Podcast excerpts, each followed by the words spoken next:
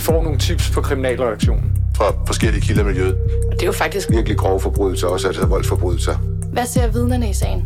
Hvem står bag? Hvad er motivet? Ja. Konflikt imellem Forskellige grupperinger. Drab. Vold. Hævn. Hver uge vender vi aktuelle kriminalsager på Ekstrabladet. En fredelig søndag eftermiddag i stormagasinet Fields i Ørestaden blev forvandlet til et inferno af skud, panik, sårede og døde mennesker. Det skete sidste sommer, søndag den 3. juli. Tre personer blev dræbt, flere blev ramt af skud, men overlevede. Kort efter blev en 22-årig mand anholdt i nærheden. Nu er der så rejst tiltale mod den mand, og anklageskriftet er netop blevet udleveret til medierne. Velkommen til Afhørt. Jeg er i studiet i denne uge. Linette Jespersen og Christian Kornø holder ferie. Jeg hedder Mette Flækner, og med mig er kriminalreporter Amalie Eriksen. Amalie, hvad er det mest nye i anklageskriftet fra Fields? Jamen, det nye er, at, hvad kan man sige, at den her anklage mod manden er blevet forstørret, siden han blev øh, fremstillet øh, og sigtet i grundlovsforhør. Og det er altså stedet fra, at han øh, ifølge anklagen skulle have begået syv drabsforsøg til nu 11 drabsforsøg. Så antallet af drabsforsøg er simpelthen øh, udvidet. Og hvad, hvad skyldes det, eller hvordan skal man forklare det?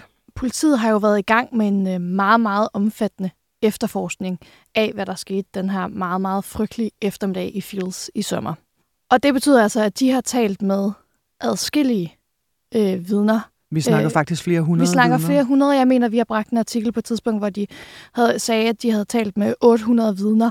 Så som efterforskningen er øh, ligesom øh, skrevet frem, øh, eller hvad man siger, så har politiet øh, dannet sig et overblik over, hvad mener de, øh, der er sket her, og, og hvad kan man så tage, tage med i retten. Og der er de altså kommet frem til, at der skulle være blevet øh, begået øh, 11 drabsforsøg.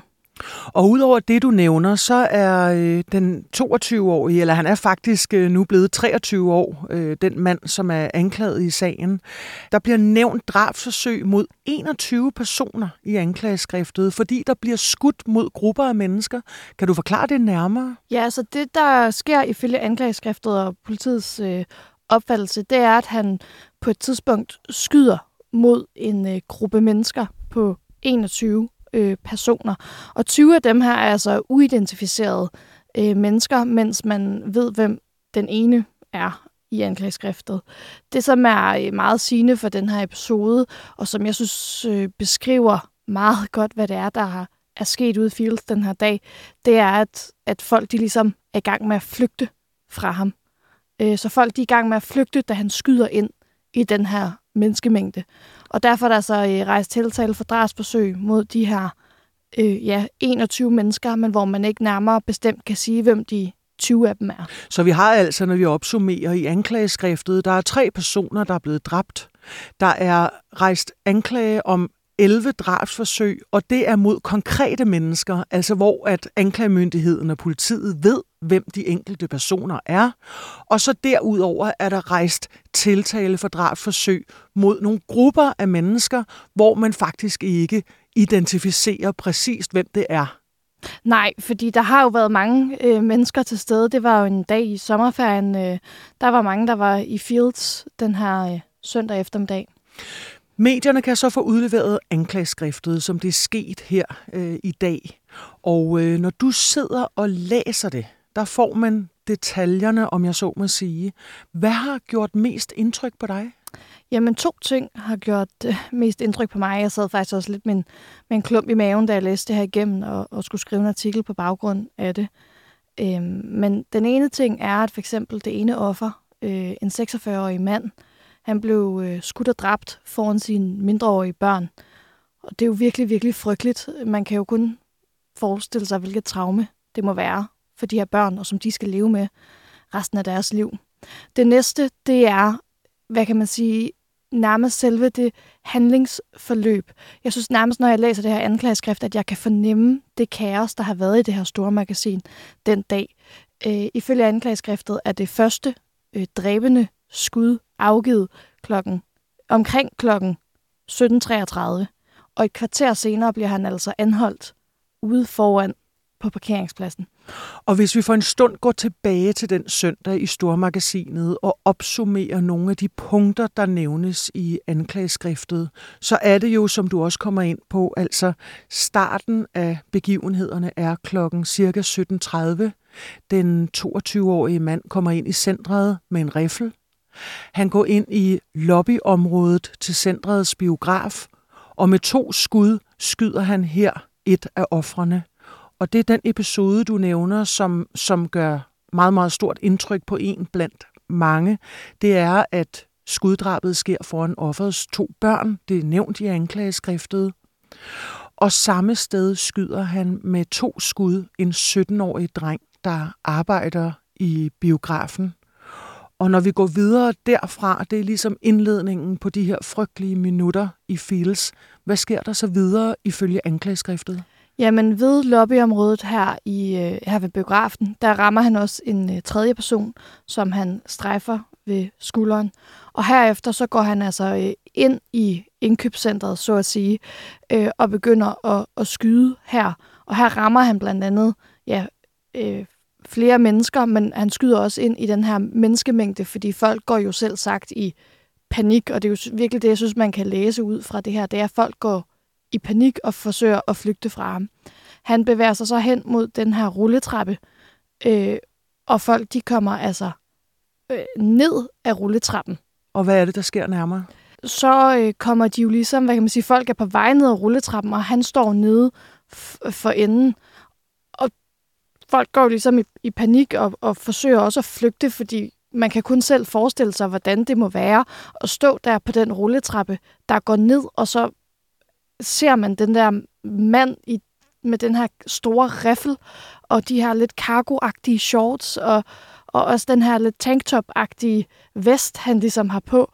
Og der men, skyder han jo. Men, altså, og det, han det, står vi ved, nede vi ved for jo, enden. Lige præcis. Det vi ved, det er, at han står nede for enden og ligesom skyder op mod den her rulletrappe. Og blandt andet så rammer han øh, ind i den her glasvæg, der ligesom er, eller glasgelænderet, øh, som der står i anklageskriftet. Og vi ved, at han også rammer og dræber det sidste offer i, i sagen her på rulletrappen. Og en af de uhyggelige detaljer er altså, at et af de her skud går ind gennem lungen på det ene offer, ud gennem venstre bryst, og så fortsætter skuddet altså ind og rammer et øh, andet offer i den nedre del af ryggen. Og det offer løber faktisk foran den anden person, så det er jo et scenarie, man kan dårligt øh, forestille sig, hvor frygteligt det har været. Ja, der er faktisk to øh, tilfælde. Der er det her tilfælde, og så er der også øh, det andet med, med den 17-årige pige, der bliver ramt. Øh, der går projektilet også igennem øh, eller ind i ballen på et andet offer. Vores kolleger på Kriminalredaktionen har tidligere talt med en 13-årig dreng, som befandt sig på den rulletrappe under episoden. Hvad var det, han fortalte til Ekstrabladet dengang?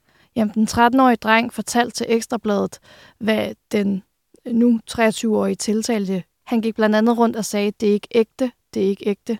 Og han sagde specifikt til den 13-årige dreng, du er ikke ægte. Du er ikke ægte, det sagde han til den her 13-årige dreng, mens han kigger direkte på ham. Og hvad gør drengen? Jamen, så får drengen så overbevist ham om, at han er ægte. Han kigger op på ham og siger, han, jeg er ægte, jeg er ægte, skyd ikke. Og riffelmanden, han skyder altså ikke på den 13-årige dreng, men fortsætter sin rundtur i centret igennem de ja. kommende frygtelige minutter. Og vi har blandt andet øh, bragt et billede, og jeg synes, det er meget rørende. Nu har jeg været inde og se på det igen, men det viser også, hvor frygteligt det har været det her. Men vi har bragt et billede af den 13-årige sko, der er fyldt med blod. Øh, og det er altså ikke, det er ikke hans eget øh, blod der, så det vidner jo om, hvor mange mennesker... Det er folk omkring ham, der er blevet øh, ramt ja. øh, af skud også. Ja. Klokken bliver så 17.48, når vi lige taler om begivenhederne sådan i kronologisk form mm. i Fields. Og riffelmanden, han bliver anholdt uden for centret og omringet af politi. Jeg kalder ham riffelmanden, fordi det var sådan et udtryk, vi i hvert fald brugte, fordi han havde benyttet den her riffel til øh, sit skyderi, og man kunne se på Ekstrabladets billeder hans riffel ligge på jorden. Amalie, hermed øh, stoppede så et af en meget øh, hæslig, men også meget sjælden begivenhed på øh, dansk jord, fordi det er ikke øh, tit, heldigvis, at man oplever sådan noget. Nej, jeg tror også, det er jo derfor netop, at den her episode har virkelig sat et, øh, et spor i danskerne, og noget, der virkelig ja, chokerede det danske samfund rigtig meget. Øh, vi sad lige og talte på, på kriminalreaktionen om, hvor ofte sådan noget har sket i Danmark, og vi kan altså ikke øh, komme i tanke om særlig mange episoder, hvor der er blevet skudt øh, på den her måde. I det offentlige I det, rum mod folk, ja.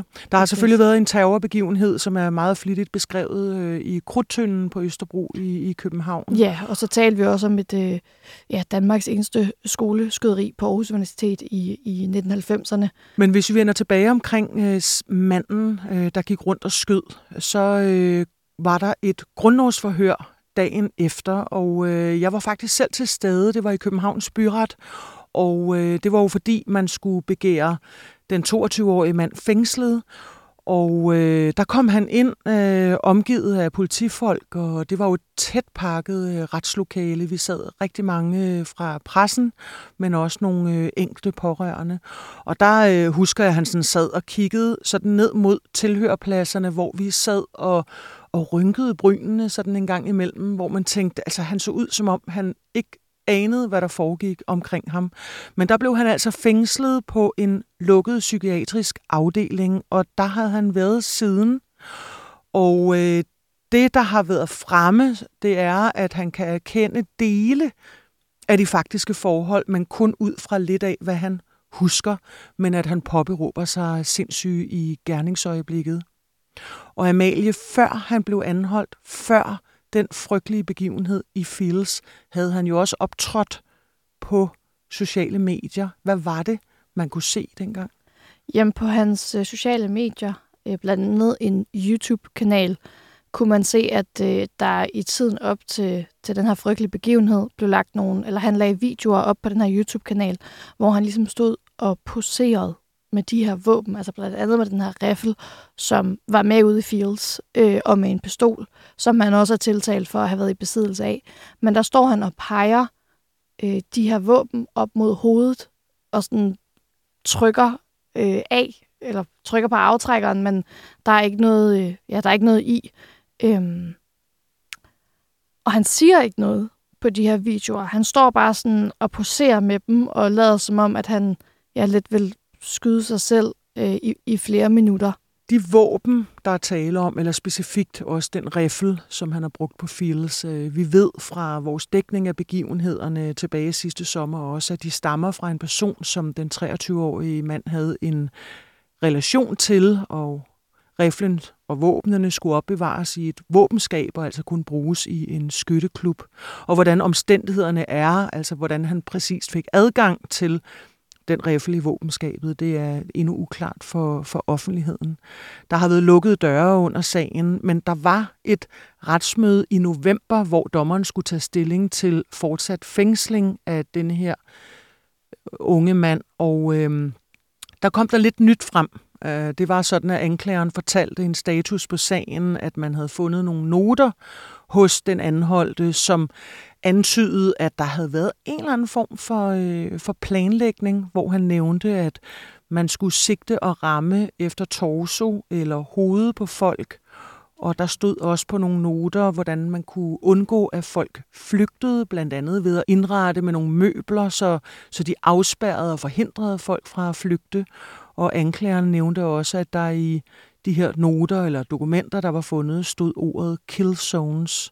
Ja. Men du har jo også rækket ud til øh, mandens forsvarsadvokat, Louise Høj. Og hvad er det egentlig, hun har haft øh, sagt tidligere nu?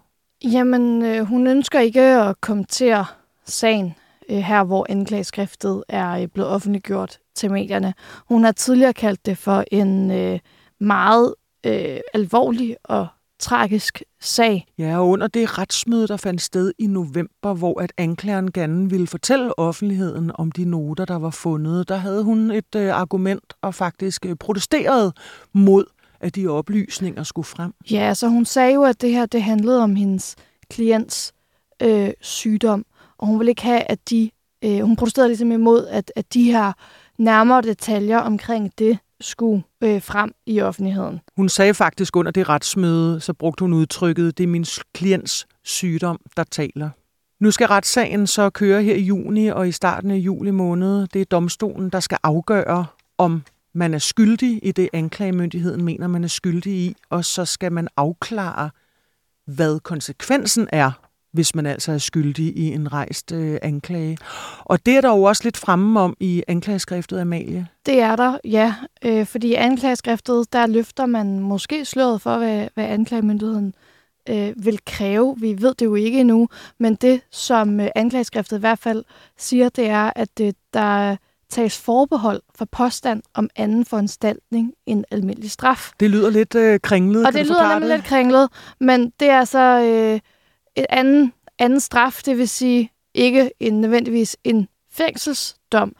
Øhm, og man må formode, at i og med, at de siger, at de tager forbehold for, at de, at de kunne finde på at kræve for eksempel en behandlingsdom, at øh, den retspsykiatriske undersøgelse altså ikke er færdig endnu. Fordi der er ingen tvivl om, at der er retslæger, som har øh, undersøgt øh, den tiltalte i sagen og haft samtaler med ham, og, og at noget af det skal danne grundlag for hvad det er, man mener, der er mest formålstjenestligt i forhold til, hvis han kendes skyldig i øh, alle disse øh, forbrydelser.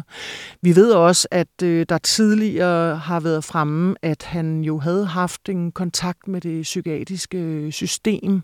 Øhm, regionerne har lavet nogle undersøgelser, og så kom det også frem, det var faktisk TV2 og Frihedsbrevet, der kom frem med en, hidtil fortrolig redegørelse af sagsforløbet, og det viser, at øh, han var blevet henvist fra hovedstadens psykiatri til Københavns Kommune i begyndelsen af marts, hvor det her jo altså fandt sted i juli måned, og han havde brug for nogle daglige støtteforanstaltninger.